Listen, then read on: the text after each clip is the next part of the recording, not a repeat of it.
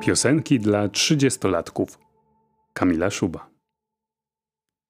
Odcinek 26. So Young. The Stone Roses.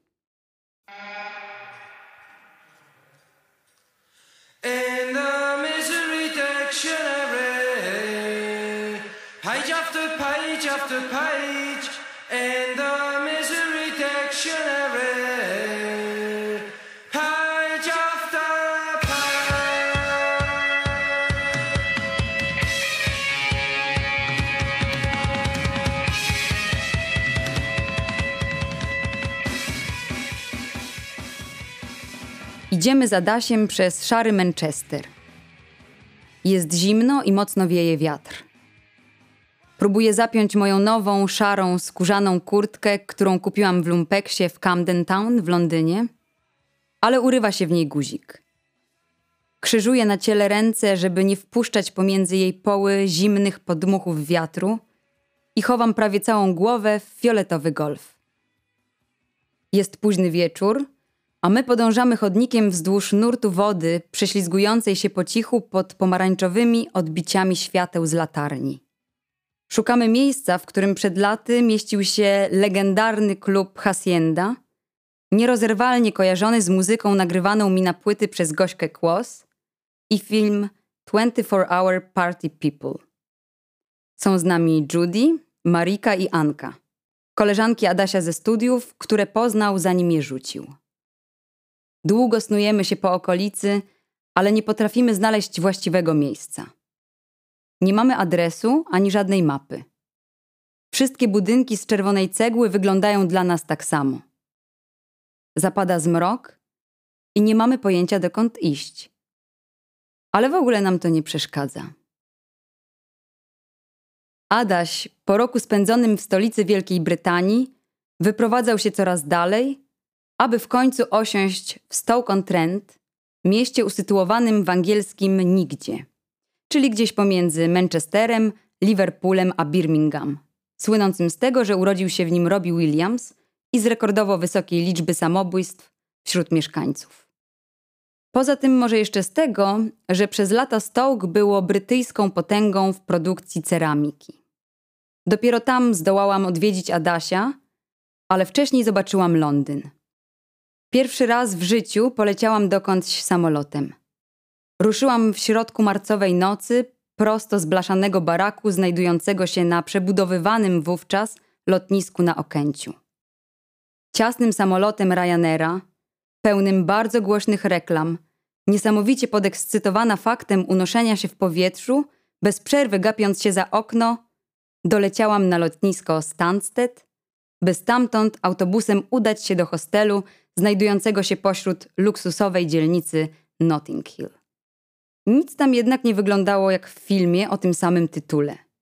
A zakładałam, że tak właśnie będzie i że spędzę w tym miejscu kilka dni, zanim wsiądę do pociągu do Stoke.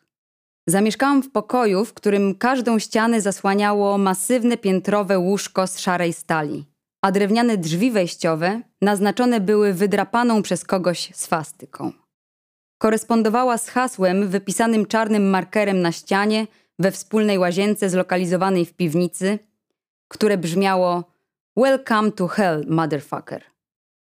I trochę oddawało klimat tego miejsca. To był hostel, w którym niewielu było turystów. Większość jego mieszkańców stanowili ludzie z wszelkich zakątków świata, którzy przyjechali do Londynu w poszukiwaniu lepszego życia, lecz jeszcze go tam nie znaleźli. Nie stać ich było na wynajęcie własnego pokoju lub mieszkania.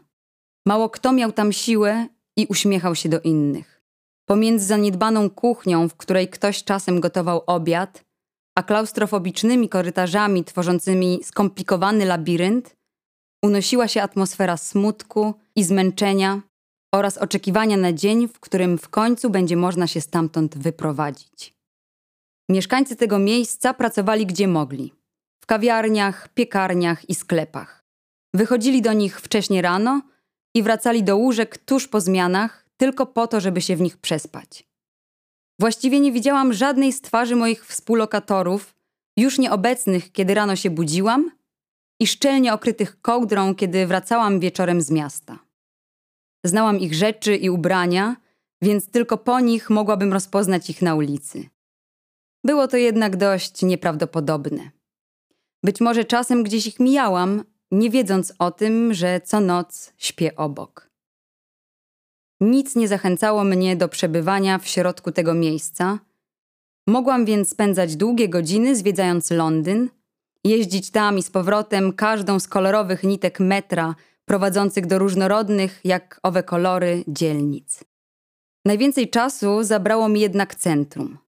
Tętniące życiem, ruchem i setkami wciąż zmieniających się twarzy, falami osób podążającymi dokądś. Tłumem, który przemieszczał się bez końca. Wchłonęło mnie to śródmieście, nieprzypisane żadnym konkretnym nazwom.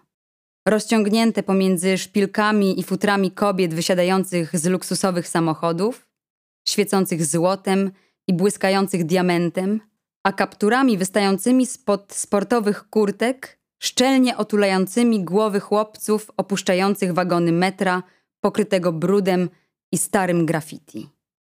Nic poza turystycznymi atrakcjami Londynu nie przypominało mi miasta, które znałam z podręczników do nauki języka angielskiego. Żaden z nich nie pokazywał, lub może nie eksponował w wystarczającym stopniu tej różnorodności, mieszanki kultur i narodowości.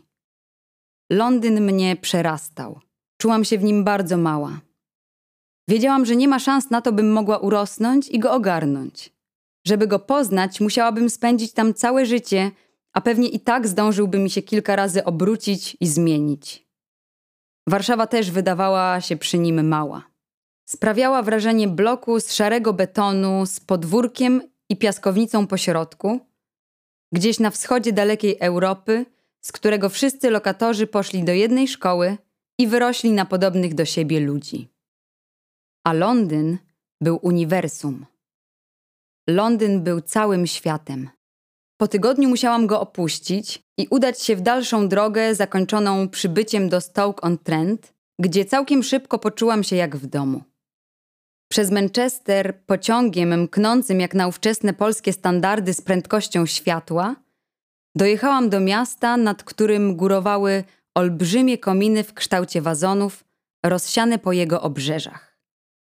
Rzędy robotniczych domów sąsiadowały z szarymi budynkami, przywodzącymi na myśl dworzec autobusowy Warszawa Zachodnia w jego najgorszych czasach.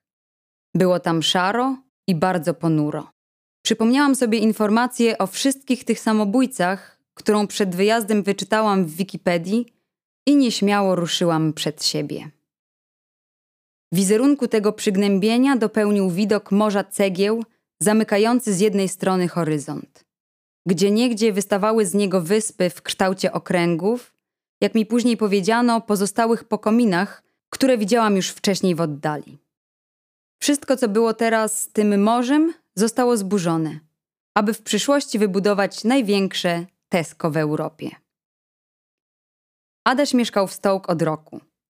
Przeprowadził się tam prosto z Manchesteru, trochę do pracy, a trochę za głosem serca. Związał się z Endym, który był od niego o kilkanaście lat starszy i wciągnął go do organizacji założonej przez jego przyjaciół dawno temu. Właściwie byli już razem dwa lata i wszystko między nimi układało się dobrze. Adaś przywykł do szarości miasta i nawet na swój sposób je pokochał. Razem z Endym pracował w kosmosie, który zajmował się imigrantami i osobami zagrożonymi wykluczeniem społecznym.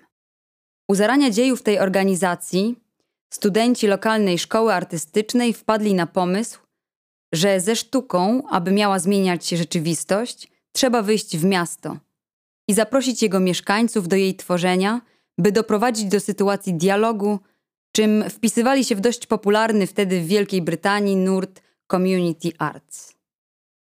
Ludzie kosmosu każdego dnia wyruszali więc w nową podróż po nieznanym i mierzyli się z problemami, jakie niosło ze sobą życie w UK.